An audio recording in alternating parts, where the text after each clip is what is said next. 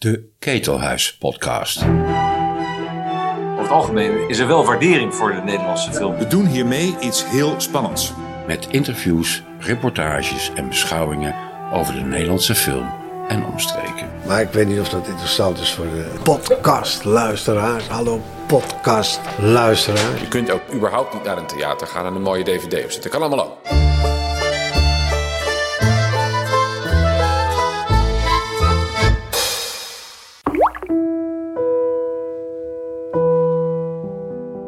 Welkom bij de 51ste editie van de Ketelhuis Podcast. Wat kunnen films ons leren over liefde en relaties? Dat is de vraag in de programmareeks Scènes voor een huwelijk.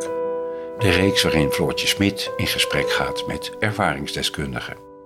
Je moet niet iemand dankzij al zijn aardigheden beminnen, maar ondanks die paar lulligheden die er ook bij geleverd worden. Liefde is ook een uh, band plakken. Bij mannen is dat heel lastig om dat, dat hart te laten spreken. Uh, de vrouw die mijn leven sterk bepaald heeft, was Olivia Newton-John. Vriendschap vind ik eigenlijk misschien wel de hoogste vorm van liefde. Kijk, als je verliefd bent, idealiseer je je geliefde. Maar als je liefdesverdriet hebt, doe je dat ook. Ja, het is bijna masochistisch. Maar um, de ander wordt eigenlijk nog geweldiger dan diegene al was. Dus zelfs in zijn achteruit is romantiek eigenlijk een rotstreek. Dit keer is het de beurt aan journalist en schrijver Daan Borrel. En de inspiratiebron is de Before-trilogie van Richard Linklater. Before Sunrise, Before Sunset en Before Midnight. Luister naar Floortje Smit en Daan Borrel. Welkom allemaal uh, bij uh, Scènes voor een huwelijk. Het is een uh, speciaal programma waarin ik um, eigenlijk ervaringsdeskundigen vraag over de lessen die je kan trekken uit films. Die mogen ze zelf kiezen en dan praten we aan de hand van een aantal scènes. mijn gast voor vandaag is Daan Borrel. Zij is journalist en schrijfster en eigenlijk gespecialiseerd op intimiteit en op het lichaam. Om het maar even zo heel breed te zeggen gedaan. Je mag straks alles nuanceren wat ik nu yes. zeg. um, nou, ze heeft onder andere dit boek geschreven, Soms is de liefde dit.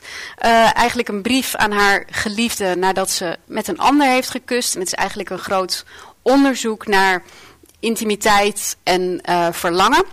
Nou, dat ging uit. Daarna daar kunnen we het straks ook over hebben dan. Uh, toen schreef ze het jaar van het nieuwe verhaal.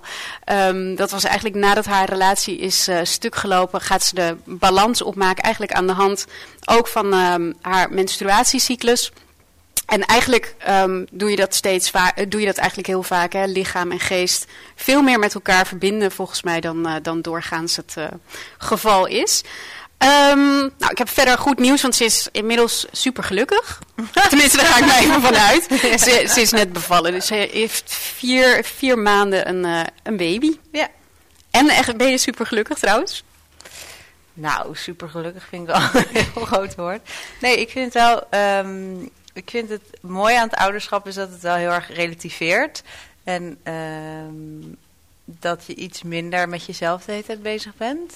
Wat best wel een vrijheid is. Ik dacht dat wordt een gevangenis, maar ik ervaar tot nu toe best ook wel als een vrijheid. Het is wel prettig. Ja, ja. maar met de nuance dat ik natuurlijk wel het geluk heb dat ze naar de crash kan en dat ik werk heb. Dus ja. Nou ja, het is, het is, een, beetje, het is een hele rare periode, zo'n zwangerschap en ook zo'n bevalling en die hele periode daarna. Omdat um, volgens mij als er één moment was waarop ik mij bewust werd van mijn lijf en, en hmm. de relatie tussen geest en lijf, is het, is het die periode wel geweest. Die heeft wel heel veel gekanteld.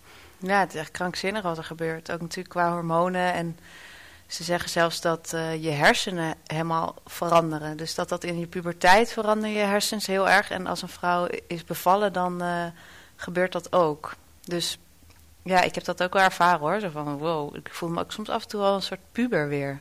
Maar bedoel je dan met hersenen veranderen als in dat je een andere persoon wordt? Of bedoel je ja, meer dat... volgens mij kleiner, zodat je meer ruimte hebt voor de, uh, echte zorgen. Hm. En dat ervaar jij ook zo? Nou, ik, weet, ik heb wel heel erg ervaren dat je hele leven een beetje zo... Ik ben er dus nu net uit. Ik ben ook gestopt nu met de borstvoeding. Maar dat je heel erg in, in kleine cirkeltjes denkt. Dus uh, wanneer moeten we weer voeden, wanneer moeten we weer slapen. Een soort heel gek repetitief, rep, repetitief ritme.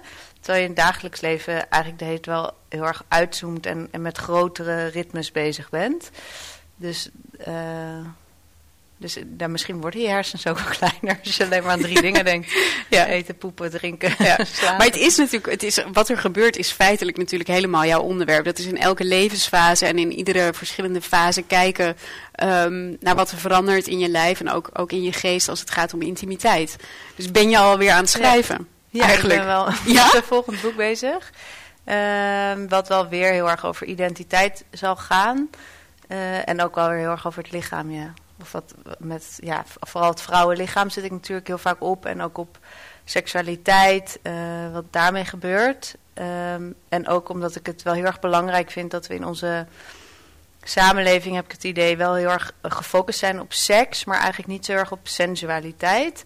Eh, dat weinig kennen. Dus bloot is altijd meteen seks. En, en liefde, dat liefde ook heel erg gaat over seks. Terwijl dat volgens mij zoveel groter is. En het, eh, ik denk dat daar mijn zoektocht ook wel heel erg over gaat. Ja, en als je te veel gefocust blijft op seks, dan zie je eigenlijk ook niet wat liefde of intimiteit echt is. Ja, misschien wel. Dan verdwijnt dat uit beeld. Ja. Ja. Ja. De film, of eigenlijk films die je hebt gekozen, want ik heb je gevraagd van wat, wat zou je willen laten zien, hè, waar vallen liefdeslessen uit te trekken. Jij zei eigenlijk meteen die hele Before-trilogie van Richard Linklater. Ja. Ehm, waarom? Nou, volgens mij toen jij het vroeg, had ik echt net die laatste Before Midnight weer gezien. Nee, dat was toen ook al wel een tijdje geleden. Maar toen da ik dacht meteen aan die reeks, omdat ik ook elke keer als ik die films kijk, heb ik er weer een heel ander gevoel bij. Dus ik ben soms heel boos geweest over, op die films. Soms vond ik het heel erg romantisch, eh, heel erg realistisch. Heel erg dat ik dacht ja, ja, ja. En soms nee, nee, nee. Ehm, maar wat ik heel mooi vind aan die trilogie is dat, het, eh, dat er zoveel tijd ook tussen de films zit. Dus de eerste film is volgens mij uit 1995, Ja. hebben ze in 94 gemaakt. En die ehm, acteur en die actrice, de hoofdpersonages, hebben ook meegeschreven. En we volgen hun eigenlijk. Ja, zij bespelen al die 3D-films. Dus zij, zij hebben zelf ook elke keer die films geschreven met de regisseur. En hebben gewoon hun eigen levenservaring erin gestopt.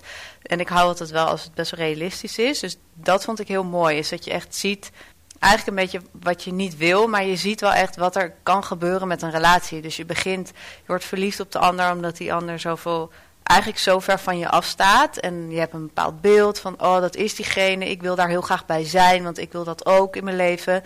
En dan op een gegeven moment ga je, ja dat zeggen ze toch, ga je eigenlijk haten wat je in Ja. het begin zo leuk vond.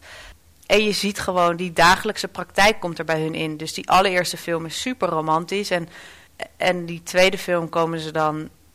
Nou, die gaan we nu zien. En in de derde film is het eigenlijk... Hebben ze, mag ik dat zeggen? Ja, mag je zeggen. In de derde film hebben ze twee kinderen gekregen. En wonen ze ook echt bij elkaar.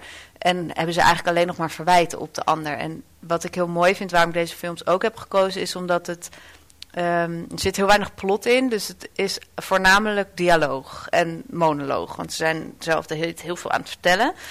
En dat vind ik wel bijzonder, want ik denk dat een eh, relatie gaat heel erg voor mij over communiceren, denk ik. Of dat, dat is heel belangrijk. En ik ben dat zelf ook nog heel erg aan het leren. Dus toen jij net zei over dat supergelukkig, dacht ik... nou ja, deze boeken zijn echt zo heel erg gefilos, gefilos, filos, Ja. filosofie, filosoferen over de liefde. En nu ben ik nu net naar de IKEA geweest met mijn eigen liefde. En dan denk ik, oh ja, dat is, dat is het doen van de liefde of zo. Ja. En dat is natuurlijk weer iets heel anders. je Dus hebt niet moet- meer zo heel veel tijd als je naar de IKEA moet om dan ook nog te gaan filosoferen over Precies, liefde. en na het eh, uit te zoomen eigenlijk. En ik denk wat je dus, ehm, dat het wel heel belangrijk is om goed met elkaar te leren communiceren. En daarin kan je denk ik ook heel erg verliefd worden op de ander. En dat zie je ook in die eerste twee films. Ze worden echt verliefd op elkaar door het gesprek dat ze hebben. En in die laatste film is het gewoon, gaat het gesprek gewoon stroef. Ze komen niet meer bij elkaar. Wat zo gek is, Ja. want eerst lukte hun dat zo goed. Ja. Dus dat vond ik, eh, vind ik hier heel mooi aan. En ik heb het idee dat voor mij persoonlijk de, de les is eigenlijk dat ik hierin zie hoe het niet moet. De laatste film. Het komt wel heel mooi tot een einde. En ik denk ook, misschien is het wel onvermijdelijk. Zeker op veel momenten. Maar misschien moeten we hier na de We gaan, hier, we gaan hier na Ja. de film over praten. We Ja. moeten misschien voor. Wie heeft, wie heeft deze trilogie eigenlijk nog nooit gezien? Wie valt daar nu zo? Kijk. Ah, Nou, dat is goed. dan beginnen we even met deel 1, wat jullie gemist hebben. Er is heel veel gepraat, dus dus het is ook niet heel veel. Ehm, deel 1 eigenlijk is, ehm, ehm, het is Before Sunrise. Ze ontmoeten elkaar in de trein, worden verliefd en gaan lopen eh, door Wenen en ze kletsen. Het is eigenlijk een onderzoek, het is, het is puur romantisch. Kan je met elkaar één avond praten en dan weten, dit, is- dit is Ja. hem, toch? Ja. Zag Dus jij ze weten, zo? Ja, ze weten dus eigenlijk als, als ze elkaar ontmoeten in de trein dat hij moet volgens mij het vliegtuig terugpakken naar Amerika.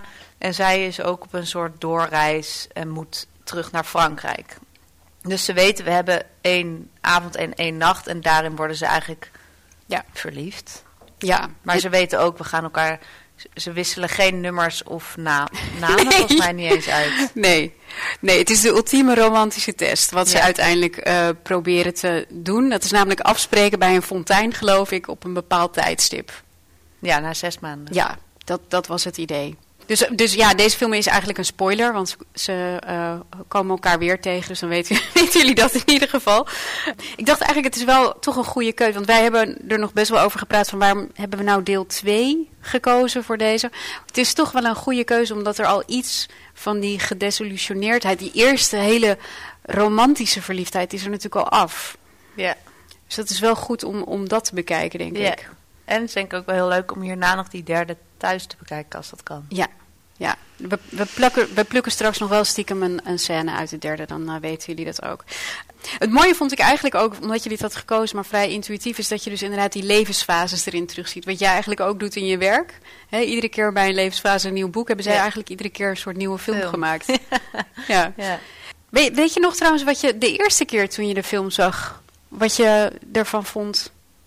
Nou, volgens mij was het allereerste wat ik zag was volgens mij een ru ruziescène uit de derde film, die we volgens mij straks ook gaan kijken. Ja. En dat was ook als een soort voorbeeld, werd dat gebruikt. Zo van, kijk even wat hier gebeurt, wat die vrouw zegt, wat die man zegt. Ze zijn allebei gebruiken ze best wel cliché-argumenten, die volgens mij heel vaak gebruikt. Het is een cliché omdat het vaak gebeurt.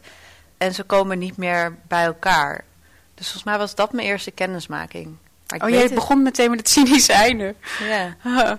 Maar daarna ben ik dus de hele reeks gaan kijken. ja. Maar ik weet niet meer wanneer dat was. Is het, mm, want wij hebben er hiervoor over gesproken. Ehm, jij zei je moet heel erg gaan letten op de manier waarop die twee, of tenminste dat wil ze meegeven als opdracht, de manier waarop die twee met elkaar praten. Ja, dat denk ik wel een goeie. Ja, jij zei het. Ook iets van zwangerschap Want, nee, maar wat, wat, ehm, waar wil je dat, dat ze dan precies op letten? Nou, misschien is het wel leuk om te kijken waarom het nu... eh, wat ze nu in elkaar aantrekt opnieuw. In, in elkaar aantrekken. Want dat, na deze film besluiten is natuurlijk iets. Op welk... Ja, op welk... eh, vooral als je zelf dan nog daarna die derde gaat kijken... is het denk ik wel leuk om te kijken van... hoe praten ze nu met elkaar? En wat zit daar misschien ook elke keer een soort verleiding in? En wat gebeurt er eigenlijk als je dag en nacht gewoon met elkaar bent? Hoe ga je dan met elkaar praten? Ja, wat het verschil is. Ja, en Ja. hoe kan je misschien ooit weer terug, soms, sommige momenten. Ja.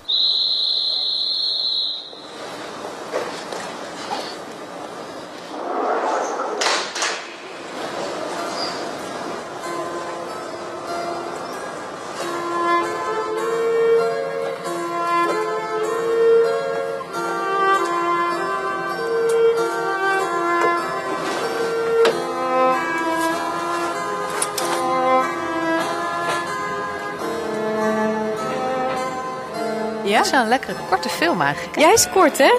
Maar hij werkt wel goed. Eh, wan- Wanneer had je hem nu voor het laatst gezien? Oeh, dat weet ik niet meer. Ik dacht, ik ga niet nog dit weekend kijken, want dan ga ik hem nu weer zien. Ja. Maar ehm, mm, ik denk twee jaar geleden of zo. Ja, en heb je, want je zei net van we moeten gaan kijken naar die, naar die dialogen, die trouwens echt fantastisch naturel zijn, vind ik. Ja. Ehm, heb je er anders naar gekeken nu? Weer? Wat viel je op? Ehm, ja, echt veel romantischer da- nog dan ik dacht. Ik vind het wel echt alsof je bij een date bent. Dus je zit echt een beetje zo... van... Dat je het ook eigenlijk niet wil zien of zo, omdat het ook zo intiem is. Ehm, en wat ik nu heel erg had, dat ik dacht... Waarom is ze eigenlijk... Waarom wordt zij verliefd op hem? ja, interessant is die, hè? Ja. Want zij op, of hij op haar zie ik wel heel erg. Of zij heeft dan. Nou, zij doet echt dat activisme, dat vindt hij heel aantrekkelijk. En ze is natuurlijk ook gewoon heel erg mooi.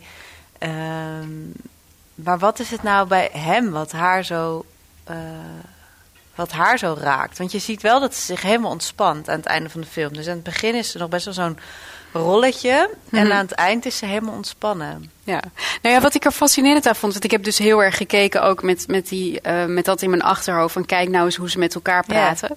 Ehm, en helemaal in het begin, hè, als het heeft over die reis door, door Oost-Europa. Volgens mij luistert hij gewoon helemaal niet naar haar. Hij zit alleen maar naar haar te kijken. Ja. Hij geeft geen inhoudelijk commentaar. Ja, want Hij zegt alleen maar, zij is dan helemaal klaar met dat verhaal. Ze stort haar hart uit. En dan zegt hij, nou, gek hè, dat we dan door Wenen liepen. dat is toch grappig? Ja, maar eh, zij reageert ook, eh, elke keer als hij iets zegt, vindt zij het helemaal niet zo heel interessant. Heb ik het idee. Ja. Of tenminste, ze vindt dan, hij maakt het van die stomme grapjes over zijn over zijn boek en zo. En, hij, en zij, eh, dat ze dan zegt van het is wel echt erg met de wereld. En er is wel een beetje, je denkt, waarom, wat vinden ze nou precies? Of is het een soort haar idee van romantiek of zo? Gaat er heel erg over. Dus het is volgens mij heel erg een soort verhaal wel aan het najagen. Terwijl dat je denkt, is ze nou echt op hem? Of, of dat vond ik heel... Is zij op hem of is het het hele idee van Is we zagen elkaar idee. ooit een keer Ja. en dan nu, nu weer wel? Ja. Ja. Nou ja, en ik vind wel hun dialoog is wel heel speels. En wat ik heel, nog, wat ik heel leuk vind, is dat ze de hele tijd eigenlijk inzichten met elkaar delen. Dus dan, vooral zij heeft hele mooie verhalen eigenlijk van toen was ik daar en toen gebeurde dit. Eh, en ze vertelt eigenlijk natuurlijk aan hem van ik, ik durf al heel lang niet meer te voelen. Dus dat is wel wat er bij hem aangaat. Ja. Is het, ehm, want jij zei, ik ben heel erg bezig met, met communiceren, ook in, eh, in mijn eigen relatie. Is, is dit een goede manier dan? Nou, ik denk dat dit wel heel erg het begin is. Wat heel erg leuk is, dat, dat je nog zoveel afstand hebt. En wat ik ook bijvoorbeeld heel leuk vind, is dat zij op een gegeven moment vraagt van... als we vanavond eh, dood zouden gaan, wat zouden we dan vandaag doen? En volgens mij zijn dat wel heel erg vragen die je op een gegeven moment... Nou, misschien eens een keer uit eten gaat of zo. Maar als je natuurlijk in de dagelijkse praktijk heel veel samen bent... dat je dat, dat soort dingen aan elkaar vergeet te vragen. Of van, eh, ehm, en ook dat soort inzichten misschien vergeet te delen. Terwijl als je dan weer een beetje weg bent eh, bij elkaar... dat je... ehm, dat je dat soort dingen misschien wel vraagt. Dus wat mij, deze films ook wel heel erg leren is dat je eh, om verbonden te blijven, dat je eigenlijk eh, ook heel erg je autonomie moet behouden. Dus ehm, je kan alleen voor elkaar, ja, het klinkt weer zo cliché, maar ook voor elkaar zorgen en elkaar zien als je ook jezelf heel erg ziet. En ik denk dat dat op dat punt zitten zij nu nog, nog niet in de relatie. Maar ja, volgens mij, ik vertel dat ook in dat voorgesprek, dat ehm, eh, van mijn, ik ben nu dus pas twee jaar ook samen, dus ik zit nog helemaal niet echt in die, eh, in die fase dat je volgens mij elkaar eh, heel veel dingen elkaar kan gaan verwijten. Maar wij kregen van mijn vader een, een soort therapiesessie. En dat was dus om te leren hoe je met elkaar in dialoog gaat. En wat heel grappig was, is dat eh, eh, een paar dingen waren dus een regel. En de regel was bijvoorbeeld dat je aan elkaar vraagt: eh, mag ik heel even iets met je delen? Of heb je heel even tijd of ruimte? En volgens mij is dat al wat je zo vaak niet doet als je eigenlijk iets wil bespreken met de ander. Ehm, omdat je ervan uitgaat, omdat je de hele tijd met elkaar bent, dat, je, dat de ander altijd wel ruimte heeft voor wat jij wil zeggen. En je moet dan dus ook heel dicht tegenover elkaar zitten. Eh, dus niet, je kijkt elkaar Mhm. de hele tijd aan. En dat schijnt dan al iets met dat als je baby bent, eh, zijn mensen ook dit heel dichtbij. Dus dat is een soort veilige afstand waarin je je echt gezien voelt. En dan vervolgens ga je dus iets vertellen. Of je gaat vertellen wat je waardeert aan de ander. Of wat je dwars zit. Maar dat moet dan wel natuurlijk vanuit jezelf Mhm. komen. En dan moet je elkaar dus steeds herhalen. Herhalen, gewoon Ja, letterlijk, letterlijk dat ik herhalen. zeg. Maar dat is dus al heel, blijkt is al best wel lastig. Omdat als ik tegen jou zeg van, goh, ik heb me echt heel erg eh, alleen gevoeld de afgelopen week, eh, want je luisterde niet naar me of zo. Dat jij dan al heel snel iets terugzegt waarin je mij niet herhaalt. Dus eh, omdat je je eigen verhaal hebt in je hoofd van die week. Dus dat je bijvoorbeeld al zegt, jij voelt je alleen, want ik ging dit en dit en dit doen. Terwijl dat helemaal niet gezegd is. Dus dan moet je elkaar tijd herhalen. En er is ook alt- altijd één luisteraar en één zender. En daarna kan je het omdraaien. Moet je het omdraaien of mag je het Mag omdraaien? je het omdraaien. Maar dat heeft me al zoveel doen inzien. Omdat ook heel vaak als je een gesprek aan het voeren bent en iemand zegt iets, heb je zo vaak het gevoel dat je meteen moet reageren op iemand anders gevoel. Of, en dat is. eh, Dat mag niet eens in deze vorm. in deze vorm mag het niet, nee.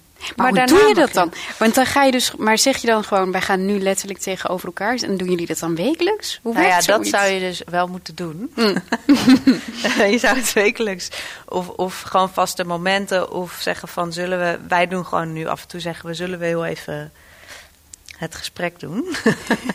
als je ergens mee loopt. Maar mm, ja, je zou het, als je het vaker doet, ik denk dat dat ook als ik vaak met mensen spreek die al langer in een relatie zitten of die gescheiden zijn of, of een lange relatie hebben gehad, zeggen ja, we, we deelden op een gegeven moment niet meer. Terwijl, omdat je ook vaak natuurlijk denkt in de dagelijkse praktijk, ach laat maar. Of, uh, uh, terwijl je volgens mij er gebeurt zo vaak. Wat ik heel bijzonder vind aan dat we deze dialoog nu kunnen voeren, is dat ik eigenlijk daarna altijd zijn dingen zie. Terwijl daarvoor zie ik alleen maar mijn, mijn verhaal. En dat ik denk, jij doet dit en jij doet dat. En dan zie je weer, oh ja, het komt altijd ergens vandaan, weet je wel? Dat mensen dingen doen of mensen dingen zeggen. Of... Dus dat vind ik daar wel heel fijn aan. En ik, ja, wat, we in die, wat je in die derde film denk ik ziet, is dat zij zijn dan dus voor elkaar, uh, ze zijn ook bij elkaar gebleven. En elkaar eigenlijk ook weer kwijtgeraakt. Omdat ze denk ik, uh, en daarin zijn ze boos op de ander. Van jij, uh, hmm. het komt door jou, terwijl het komt natuurlijk nooit door die ander. Het komt omdat je zelf vergeet te zeggen hoe je je voelt, uh, hoe iets voor jou is. Uh, want het is gewoon heel pijnlijk. Ja. Nog, nog even die, die therapie. Hè. Wordt het, ja. is het, het is in eerste instantie lijkt me gewoon heel ongemakkelijk om zo te gaan zitten. Uh, ja, nou wij gingen het voor de eerste keer bij haar doen. Oh ja, dat scheelt. Was, ja, dat scheelt. En het was ook wel, ik vond het een heel bijzondere therapie, omdat zij ga, ging aan het begin eigenlijk vragen van. Um, waar werd je verliefd op en zo? En, en wat, is je, wat is jouw droom? Wat is de anderse droom? En dat vond ik, ik denk dat als je dat, want dat doen ze hier ook. Er is natuurlijk iets aan het begin waardoor je denkt, oh, er is een soort herkenning of iets waardoor je aangaat, wat ook met vrienden is. Hmm. Mm. Of, of, en dat haalde ze eerst weer helemaal terug. En toen ging ze ook onze dromen, zeg maar, schetsen. En daar vroeg ze dan heel erg op door. En toen ging ze dat als een soort sprookje vertellen. Dus ze ging heel erg vertellen, nou, dat was Daan en dat was Jelte en die kwamen elkaar tegen en toen gebeurde dit en dit. Dat was wel heel, dus het begon eigenlijk al op die bijzondere manier en toen gingen we dialoog doen en voor ons was het wel, um, ja, inderdaad, het is wel ongemakkelijk aan het begin. Dat je zo dicht bij elkaar zit en elkaar de heet blijft aankijken, maar ik vond het bijna, ja, het, voor mij betekende het heel veel, omdat we echt op een soort zo in, in, in, in, verbinding stonden door zo naar elkaar te kijken. En als de ander dan iets emotioneels vertelt, dat je dan uh, dat zo ziet bij een ander in plaats van ja, ja. het dagelijkse, weet je, waarin je elkaar eigenlijk heel vaak niet hmm. ziet, omdat je al druk genoeg bent met je eigen leven. Ja. Maar het is, het is meteen heel erg moeilijk, want dat betekent dat je ja, het klinkt misschien heel vaag, want in een relatie hoor je je natuurlijk altijd heel kwetsbaar op te stellen. Maar dat is, is meteen ook, denk ik, het allermoeilijkste dat er is. Zeker ja. na loop van tijd. Ja, dat denk ik ook. Maar dat is toch eigenlijk heel gek, want je zou zeggen van... het wordt veiliger met iemand, want je kent iemand beter. En toch hoor je vaak dat hoe verder mensen in een relatie zitten, hoe... Misschien ook omdat je een bepaald beeld van elkaar maakt. Zo van, jij bent dit, ik ben dat... En ik vind dat in seks hoor je dat dus ook heel vaak. Want seks is denk ik iets heel. Uh, wordt. Of kan heel fijn zijn als je je kwetsbaar opstelt. Het is iets kwetsbaars. Zeker voor een vrouw moet je iets binnen toelaten. Mm. Uh, dus er is wel overgave voor nodig. Ik denk voor een man ook. En vaak hoor ik wel zeg maar dat ze dan. Daar heb ik ook een keer een essay over geschreven. Dat als mensen langer in een relatie zitten. dat ze eigenlijk niet meer durven zeggen van. Ik wil wel iets anders proberen. Of ik vind het eigenlijk niet zo fijn. Of ja. Wat, wat in mijn oren heel gek is. Want, je, want eigenlijk zou je zeggen, je bent langer bij elkaar, dus is, is het veiliger. Je kent iemand. Maar blijkbaar is, is, werkt het dan toch niet zo. Dus nee. misschien ook iets vastzet of zoiets in een relatie. Een soort afspraak van, we doen het altijd zo. Dat zegt zij ook in die derde film. Dan wordt ze in één keer ook boos over hun seksleven. En dan zegt ze zo, het is altijd uh, tiddy tiddy, uh, kissy kissy, tiddy tiddy, pussy en dan slapen. Dus dan komt het er weer uit in een ruzie. Uh, dat is niet een goed moment om dit goed, te bespreken. Nee, lijkt me ook niet. Dus ja, waarom, waarom, waarom durven we ons minder kwetsbaar op te stellen? Of waarom stellen we Hm. ons minder vaak kwetsbaar op hoe langer een relatie duurt? Ik vind het grappig, jij zegt nu zelf van hey, je bent, dat laat volgens mij dit ook zien, is, is dat je twee mensen hebt die allebei een verhaal hebben gemaakt in hun hoofd. Hij heeft heel letterlijk het verhaal Ja. opgeschreven Ja. van hun ontmoeting. Zij heeft ook haar verhaal. En dat, dat blijft inderdaad ook zo in een relatie. Maar je zegt net dat die therapeut dat dus ook doet. Ik dacht eigenlijk Ja. is dat helemaal niet goed. Je moet juist Uit het het hele verhaal. verhaal. ja, het verhaal openbreken. Ja. Nou ja, mm, ik denk verhalen maken we toch in ons hoofd. Dat doen we als mensen. Je kan heel hard proberen om dat niet te doen, maar ik denk dat we dat wel doen. Maar ik denk dat het heel belangrijk is om te voelen dat, dat, dat het meerdere verhalen kunnen zijn. Dus inderdaad, breek het open, maak weer een nieuw verhaal. Hmm. Dus eh, misschien als we over drie jaar naar diezelfde therapeut zouden gaan, dat, we, dat er een heel ander verhaal uit zou komen. Maar dan is het dus misschien wel goed om af en toe met elkaar te checken van... Heb jij nog hetzelfde verhaal Ja, wat ongeveer? verhaal zijn we inderdaad... Wat is onze droom nog? Of voor over... Ja, moet je je droom over drie jaar, dat weet ik niet. Maar ja, dat, dat wel te checken en ook echt ervoor openstaan. Dat is natuurlijk ook het enge, hè? Want wat als de ander een ander verhaal wil... dan moet je uit elkaar misschien wel, weet je. Ik bedoel, ik sta daar wel open voor dat een relatie... Waar, dat ik waarschijnlijk niet met hem blijf tot het einde. En dat vind ik wel een, een- het liefst, nu voel ik het liefst van wel. Dat lijkt me heel erg leuk. En ik voel wel met deze persoon zijn we daar heel open in. Dus ik, ik hoop zo van, nou, misschien willen we op een gegeven moment wel iets anders, maar kunnen we daarin toch soort van bij elkaar blijven, maar wel met onze hoofd een andere kant op. Maar dat, ja, ik denk dat wel dat dat gevoel zo van, het is niet vanzelfsprekend dat we voor altijd bij elkaar blijven, dat dat voor mij wel heel belangrijk is. Is dat belangrijk omdat je dan het idee hebt dat je zelf niet vastgezet bent? Ja. Ik denk ook, of is dat angst, weet je? Mhm. Dat je altijd nog de achterdeur open houdt. Maar voor mij is het wel een heel belangrijk iets om een, eh, om een bepaalde afstand ook nog in je relatie te houden. Ja. Maar dat- misschien is het angst, hè? Dat mag iemand anders mag het denken van, nou, het is waar gewoon. ja. ja. Ja. Het, het- wat die film ook is, is dat je. Volgens mij is het voor een heel groot deel ook. Je zei net, hè, we hadden het er net al over. Het is volgens mij voor een heel groot deel ook gewoon romantische projectie op elkaar. Ze Ja. hebben dat hele mooie verhaal verzonnen. Ja. Dat hebben ze allebei gekoesterd, jarenlang. Ja. En dan vervolgens zien ze elkaar weer. Dus je weet nooit helemaal zeker in hoeverre dat nou ja, zuiver is. Nee, maar ja, is dat... Is het ooit zuiver? Ja, is dat doen wij. Ja. Ik denk wel dat je echt verbinding kan maken met mensen. Maar ik denk ook wel, je hebt, we zijn natuurlijk. Eigenlijk is dit verhaal, die trilogie, is echt een soort westers. ehm, we hebben natuurlijk heel erg in het Westen een bepaald soort eh, romantisch beeld. Wat we maar over en over zien, waarmee je opgroeit.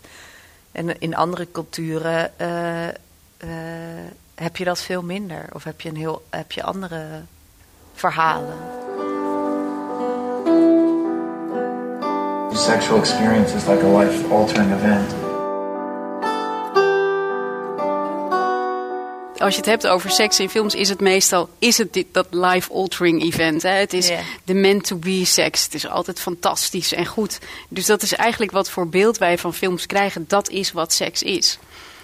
Nou, volgens mij zien we zo weinig seks in films. Ja, Ja, dat- Tenminste, er is wel seks, maar dan gaan ze inderdaad eerst zo zoenen. En dan zie je zo van, nou, ze gaan nu seks hebben, maar we zien gewoon iets met de lakens en dat is het. Ja, Of we zien weinig ehm goede seks. goede seks of, of... Ja, maar wat is dan goede seks? Als er verbinding wordt gemaakt, en als het meer over, misschien ook over de vrouw gaat. Ik vind het vaak wordt er vrij snel gepenetreerd. Terwijl je toch wel eh, hoort, of de cijfers blijken dat veel vrouwen andere dingen nodig hebben. Ehm, Nee, dat, dat is waar. Maar ik denk dus inderdaad die, dat, dat, dat je verbinding maakt, zie je eigenlijk niet. Het is een soort, het is een soort hoorde die wordt genomen in films. Ehm, en ik denk ook dat, dat je inderdaad aan het, aan het begin van een relatie heb je dus inderdaad die, die seks waarvan je gewoon weet het moet gewoon hè, goed zijn. Ehm, maar ook dat is niet een seks die per se meteen een soort verbinding maakt. nee, Laat ik het zo zeggen.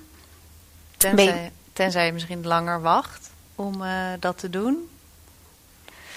Ik heb wel een tijdje eh, een Taoïstische. eh, een, ik had een opdrachtgever en dat was een Taoïstische self-love cursus eigenlijk.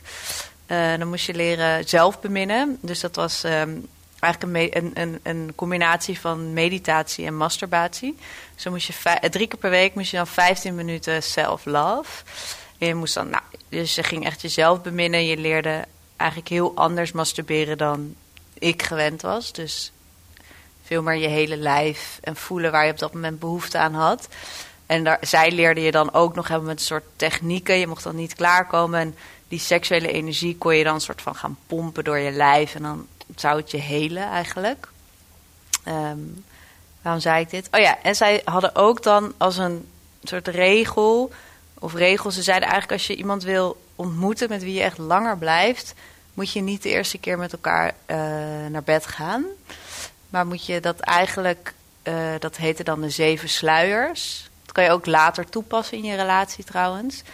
Eh, dus dan ga je eigenlijk het heel erg opbouwen zoals... Dus eerst is het gewoon elkaar aankijken, dan een keer eh, daten, kussen.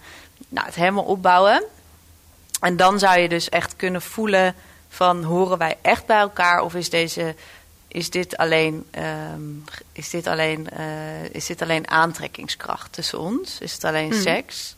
Want dat, ja, zo, zodra dat zeg maar uitwerkt, denk je natuurlijk van met wie lig ik in vredesnaam in bed?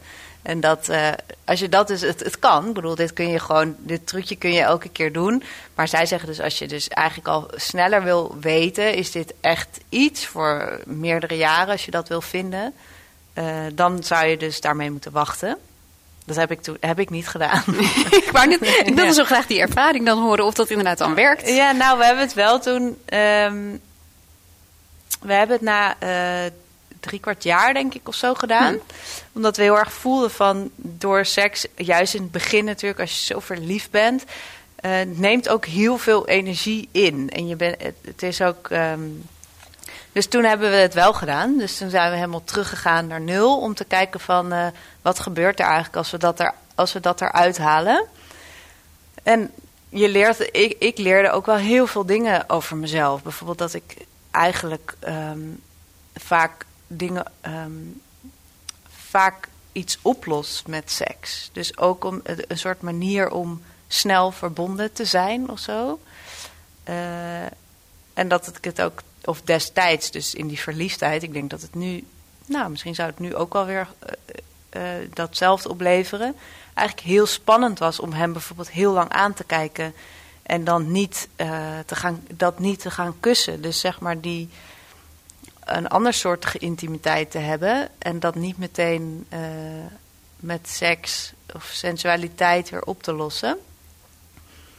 Eh, en ook hoeveel je kan doen in seks zonder meteen. eh, ja, dat, dat zeggen zij natuurlijk ook in die derde film. Op een gegeven moment ben je natuurlijk langer bij elkaar. Of hier zegt Mm. ze dat volgens mij ook. Dan krijg je ook wel een beetje een standaard eh, repertoire. En om daar dan niet in te ver- te vervallen. En wat er eigenlijk allemaal nog meer kan. Dus ehm, ja, dat vond ik wel een bijzonder ding. De zeven sluiers heet het dus. Om dat te doen. Hoe kwamen we hier nou ook weer bij? Eh, ik had het volgens mij over niet, niet orgasmegerichte Oh, ja. seks, maar seks die gericht is op, op intimiteit. Ja, Hoe je op dat verbinding. krijgt en vasthoudt eigenlijk. Hoe je dat krijgt? Nou, ik denk dus minder op dat orgasme richten, inderdaad. Minder op, ehm, op penetratie misschien ook wel. Ehm, en hoe je dat vasthoudt, ja, daar dus weer naar teruggaan. En hoe je je kwetsbaar op te stellen. Ik vind het wel, wat ik nu ook natuurlijk merk met een kleine baby en een verbouwing en een verhuizing. Eh, je komt zo, zo erg natuurlijk in die dagelijkse praktijk. En het is ook een ander level om, om dan eh, dat het zelfs gewelddadig kan voelen om in één keer dan ja, Ja. maar je open te geven. En ik denk dat je heel gemakkelijk ook in seks een knop om kan zetten. En gewoon dus seks te hebben ook omdat je lust hebt. Dus je wil op een gegeven moment, of wat ik heb en wat ik ook bij mijn partner merk, is op een gegeven moment heb je gewoon zin in seks. Maar dan is het eigenlijk een soort masturbatie met iemand, Met iemand. an- anders. Ehm, dus ik denk wel dat het. eh, je kan die knop denk ik wel omzetten, maar, je- maar dat je daarin misschien soms wel een grens overgaat eigenlijk. Dus Wat voor grens bedoel je dan? Ehm, nou, dat het toch wel iets heel intiems is, waarin je met je hele lijf met iemand iets gaat doen en je heel erg laat zien.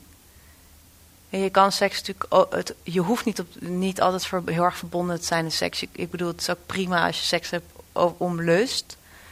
Ehm, maar zeker in een, in een lange relatie is het voor mij wel echt noodzakelijk om wel die ver- verbinding ook te voelen. Om ook seks te hebben om die verbinding. En om dat te doen, ja, dan, ik denk vaak eerst even met elkaar in bed liggen, elkaar aankijken. Als er nog ding, andere dingen gezegd moeten worden, dat dat, eh, ja, het begint. Dat is toch ook, eh, hoe heet ze ook weer, die bekende mm, Belgische-Amerikaanse... Esther Perel. Esther Perel. Die zegt dan ook, die heeft dan heel veel stellen over de hele wereld geïnterviewd, die al lang bij elkaar zijn en nog steeds, zeg maar, die flow hebben met elkaar. En bij, bij iedereen, dus ze gaat dan eigenlijk onderzoeken wat zorgt ervoor dat ze dat nog hebben met elkaar. En dan zegt ze ook, een van de dingen is dat al die stellen snappen dat voorspel niet vijf minuten van tevoren begint. Hmm. Maar dat dat eigenlijk vijf minuten na, na de laatste keer vrije begint. Ehm, dus de hele, ja. Dus dat is eigenlijk het hele leven is voorspel. Ehm, Zelfs als je bij de IKEA staat. Zelfs als je bij de IKEA Met je staat. verbouwing. Moet je eraan denken, als je leuk wil vrijen, dan moet je... nee, ja. ehm, dus ik denk toch wel dan... eh, dus die ver- dat je echt verbonden moet blijven. En dat om verbonden te blijven moet je ook apart zijn. Dus Ja. ik weet niet, ik weet nog niet of dat betekent dat je fysieke afstand moet hebben. Of dat je ook afstand kan hebben door wanneer je wel bij elkaar bent. Dat weet ik nog niet. Ja. Maar- Maar het is in ieder geval, die, die zeven sluiers lijkt jou een beter idee dan die questionnaire aan het begin van een relatie. Oeh. Nou, ik denk wat zij hier eigenlijk bedoelt, gaat ook bijna een beetje over consent. En daar is natuurlijk ook de laatste jaren Hmm. hevige discussies over. Aan de ene kant zeggen mensen, ja wel, dat, dat moet er zijn. Aan de andere zijde zeggen mensen, ja, maar dan maak je alles dood. Eh, dan is er geen spanning meer. En ik denk wat... Ik denk dat het hier bijna, wat zij hier bespreken, bijna over een soort feministisch gesprek is. Dat vrouwen eigenlijk willen aangeven wat ze willen. En een soort veiligheid ook willen in bed. En dat het vaak het mannelijke argument, terwijl heel veel mannen zijn die dat ook, die dat ook willen. Maar zeg maar het meer mannelijke argument is, maak je alles dood. Terwijl ik denk, ja, ik zou ook niet zo'n vragenspel willen invullen. Maar als je iets kan vinden om wel met elkaar te zeggen... mag ik bij jou dit doen? Vind je dit fijn? Eh, of wil je dit bij mij doen? Ik bedoel, het, zijn, het is grappig dat dat zulke enge vragen zijn. Terwijl eigenlijk zou dat iets best wel eh, natuurlijks kunnen zijn in seks. Maar zeker aan het begin is dat natuurlijk heel eng. En in het begin maak je meteen die hele blauwdruk voor die seksuele relatie. Ja, ik bedoel, dat, is natuurlijk, dat is natuurlijk wel zo als je de zeven sluiers niet doet. Hè? Ja, precies. maar juist in het begin zou je het... Want dan ken je elkaar nog helemaal niet. Dus dan... Ja, maar dan vind je elkaar nog zo leuk, dan durf je toch nog geen fouten begaan. Ja, maar dan zou je toch juist kunnen vragen van... eh, mag ik dit bij jou doen? Of, want dat is ook... Die consentregel komt van Betty Martin. Of Martin Betty. Ehm, en zij... Van haar heb ik ook wel heel veel geleerd. Want zij zegt eigenlijk... Je hebt geven en nemen... En ontvangen en toestaan. En ehm, mij leerde dat heel erg dat je... ehm, heel vaak, wat ik vaker heb meegemaakt, is dat iemand iets deed bij mij. En dan zeiden ze van, ik doe dit voor jou. Maar eigenlijk was het voor hun eigen plezier. En dan kan je heel erg voelen zo van, hm, jij bent nu, eh, weet ik het, mijn billen aan het masseren. Maar het voelt niet echt alsof het voor mijn genot is. Anders zouden we er misschien nu mee kunnen stoppen. En, eh, en zij zegt heel, toen ik dat onderscheid zag, dacht ik van, maar het is eigenlijk helemaal niet erg als je weet dat het voor iemand anders is. Dus je kunt ook iets bij iemand anders lijf doen voor je eigen plezier. En dan kan de andere toestaan. Het klinkt Mhm. een beetje zwaar toestaan, alsof daar geen genot in zit. Maar daar kan natuurlijk ook heel veel genot in zitten. Van ik, ik geef jou dit, ik sta dit toe voor jouw genot. Ja, en ik denk dat hoeft natuurlijk niet elke keer als je gaat vrijen. Misschien moet dat de hele tijd gebeuren. Maar ik denk om het wel aan te leren en te zien van oké, die dat onderscheid is er en dat weten we allebei, dat dat al heel veel ehm, oplost. Dus Ja. dat is natuurlijk ook gewoon een manier van communiceren eigenlijk. Ja. In zekere zin vond ik het eigenlijk dus het, het, het derde deel ehm, het derde deel hebben we dus nog niet... Wie wil het derde deel eigenlijk nu gaan zien? Na deze film. Ja. Gelukkig. Ehm, nou, het derde deel bestaat voor de helft uit een ruzie. Ehm, dus het is niet een hele, een hele vrolijke film. Maar het is feitelijk, dacht ik, het is wel een soort... Een, een, ehm, het is bijna al een romantisch statement. Want feitelijk zegt die film... Ze zijn twee films lang hebben ze gekeken of ze inderdaad eh, verliefd kunnen worden op elkaar. Maar dat, ze hebben dus in korte tijd zo'n connectie gelegd. Dat kan dus wel. Er is zo'n connectie mogelijk. Dat kan.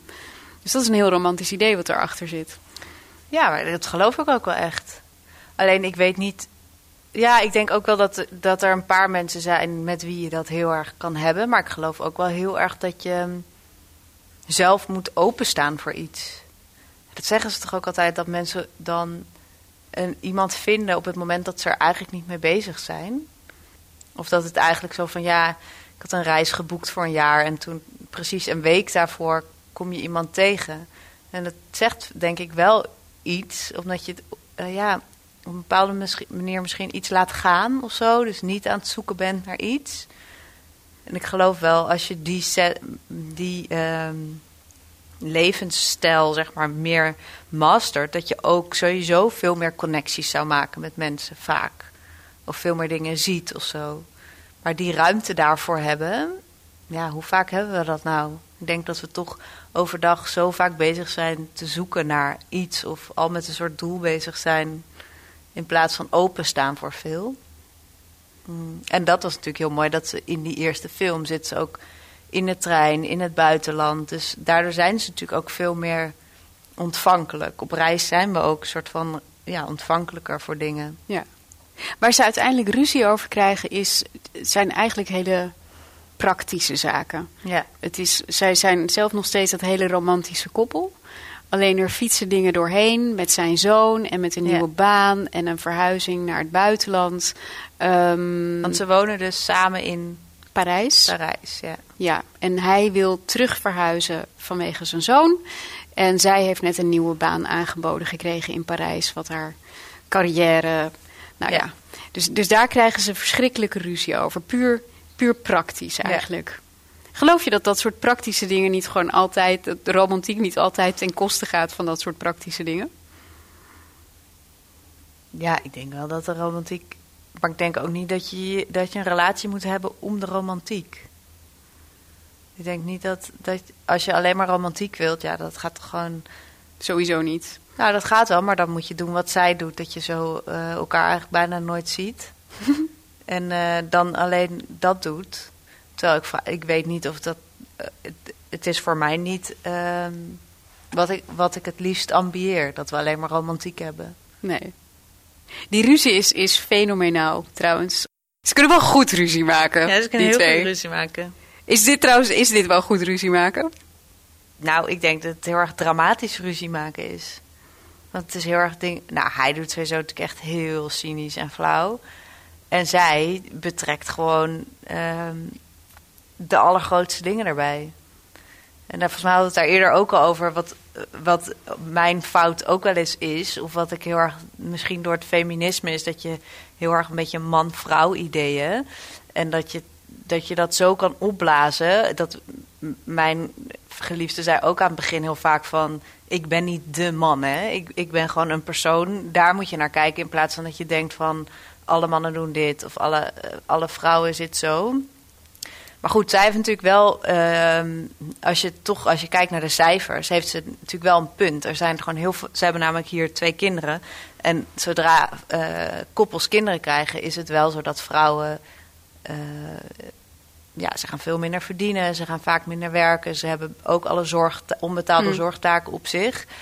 Dus er zit wel, ik denk wat zij zegt is, er zit wel waarheid in. Zij voelt gewoon, ik ben heel veel aan het opofferen voor dit gezin. Maar ze, ze doet dat met zo'n boosheid. Terwijl ze zou het, ze, zich ook kwetsbaar kunnen opstellen en zeggen: Ik heb er heel veel verdriet van en ik weet niet hoe ik, weet niet hoe ik het moet doen, allemaal. Ja.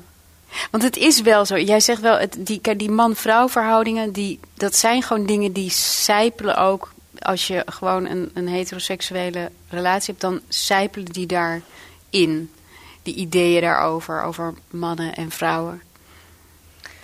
Nou, ik denk dat het heel lastig is om te ontkomen aan bepaalde patronen. En ehm, die je gewoon, die je deels wel individueel kan oplossen. Door het heel helder naar te kijken en te weten, dit zijn de valkuilen en wanneer, wanneer vallen we daarin. Maar ik denk wel, het zijn natuurlijk, ehm, het zijn natuurlijk dingen die eigenlijk op groter niveau moeten worden aangepakt. Bijvoorbeeld dat crash heel duur, dat de crash vrij duur is. Dus daardoor blijven veel vrouwen thuis. In plaats van dat ze meer blijven werken.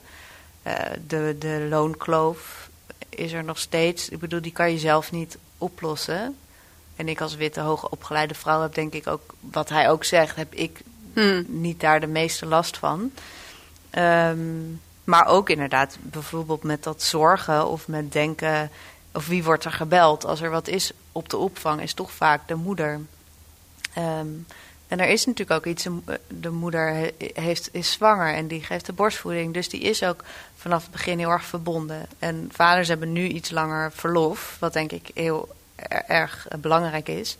Maar die moeder blijft toch langer aan het, heeft langer aan het begin verlof. Um, dus dat soort dingen kunnen er denk ik zorgen er gemakkelijk voor dat je al snel bepaalde rol, hmm. rol, rol uh, rolverdeling hebt. En hoe denk jij dan? Want jij zit, jij zit nu aan het begin natuurlijk. Maar hoe, ga je dat, hoe hoop je dat te voorkomen? Dat dat soort rolverdelingen dan gaan schuren, zoals wat hier gebeurt? Um, nou, ik hoop wel echt, want zij hebben dus deze ruzie aan het einde van hun vakantie, omdat ze van een stel een avondje een hotel hebben gekregen. En dan pas gaan ze, het moet dan natuurlijk heel romantisch worden wat het niet wordt. En dan pas gaan ze praten en dan komt alles eruit. Hmm. Dus ik, ik hoop ehm, door er vaker over te blijven praten wat er gebeurt. Ehm, en niet te denken, ik, ik, uh, oh, hij heeft nu voor de derde keer iets niet gedaan, maar laat maar. Want ik denk dat dat, maar misschien kan ik het beter aan jou vragen. Nou ja, ik wou net zeggen, het gaat vaak wel veel sneller hoor, als je het dan zelf opknapt. Ja, dat is het. dat, hoor ik dat ook van mijn probleem. moeder bijvoorbeeld ja. inderdaad. Dat je... Maar goed, uh, het is ook wel respectvol om het wel te vragen om de ander te laten doen. Hmm. Ja.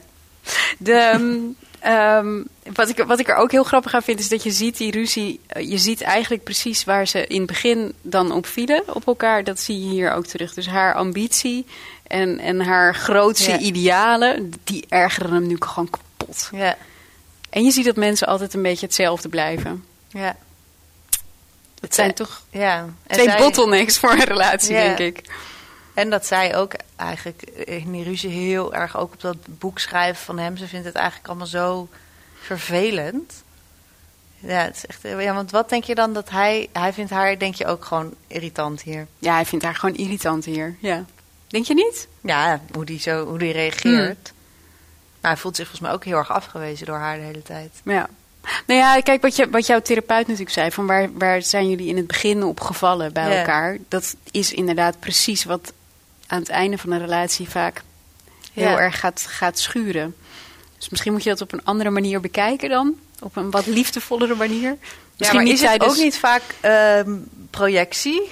Want ik dacht bijvoorbeeld bij uh, mijn vriend... Dat, uh, dacht ik dat hij heel rustig was. Dus mhm. dat hij heel veel peaceful zijn leven leefde en heel veel zen. En nu denk ik echt van, nou, waarom, hoe was dat toen zo? Of heb ik dat bedacht dat hij dat mij, dat ik dat meer in mijn leven ging doen? Um, maar in ieder geval dat je het niet bedenkt dat, want hij, ik denk, hij wilde heel graag eigenlijk die wereldverbeteraar zijn. Zag dat in haar. En misschien dacht hij wel, als ik met haar ben of zo, dat ik dat hmm. dan. Vervolgens wordt hij dat niet en is dat haar schuld. Terwijl eigenlijk zou hij gewoon zelf ja. dat meer moeten gaan doen. Is het nou, want er, er zijn dus discussies over, hè? Ehm, is het nou een, romantisch, een romantische trilogie of eigenlijk juist helemaal niet? Is het, betekent het eigenlijk gewoon dat laatste deel van romantiek bestaat gewoon sowieso niet?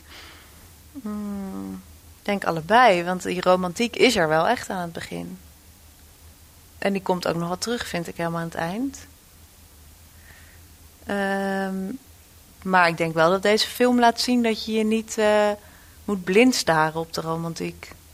Dat dat wel heel erg belangrijk is als je Eh, want dat, daar ging deze serie toch over. Van Mhm. wat, moet je, wat kun je wel leren uit films? Dat dat al een belangrijke boodschap is uit deze films. Niet op blind staren. Ja. Ja, ja prachtig.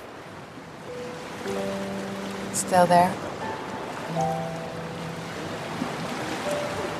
Still there.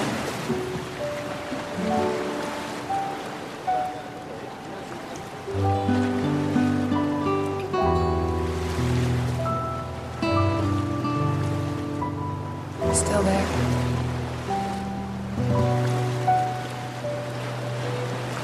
Still there.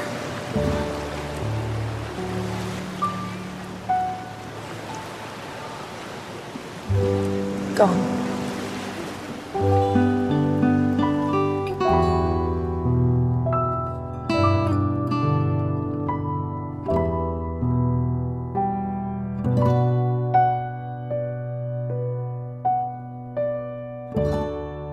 Zover deze Ketelhuis podcast.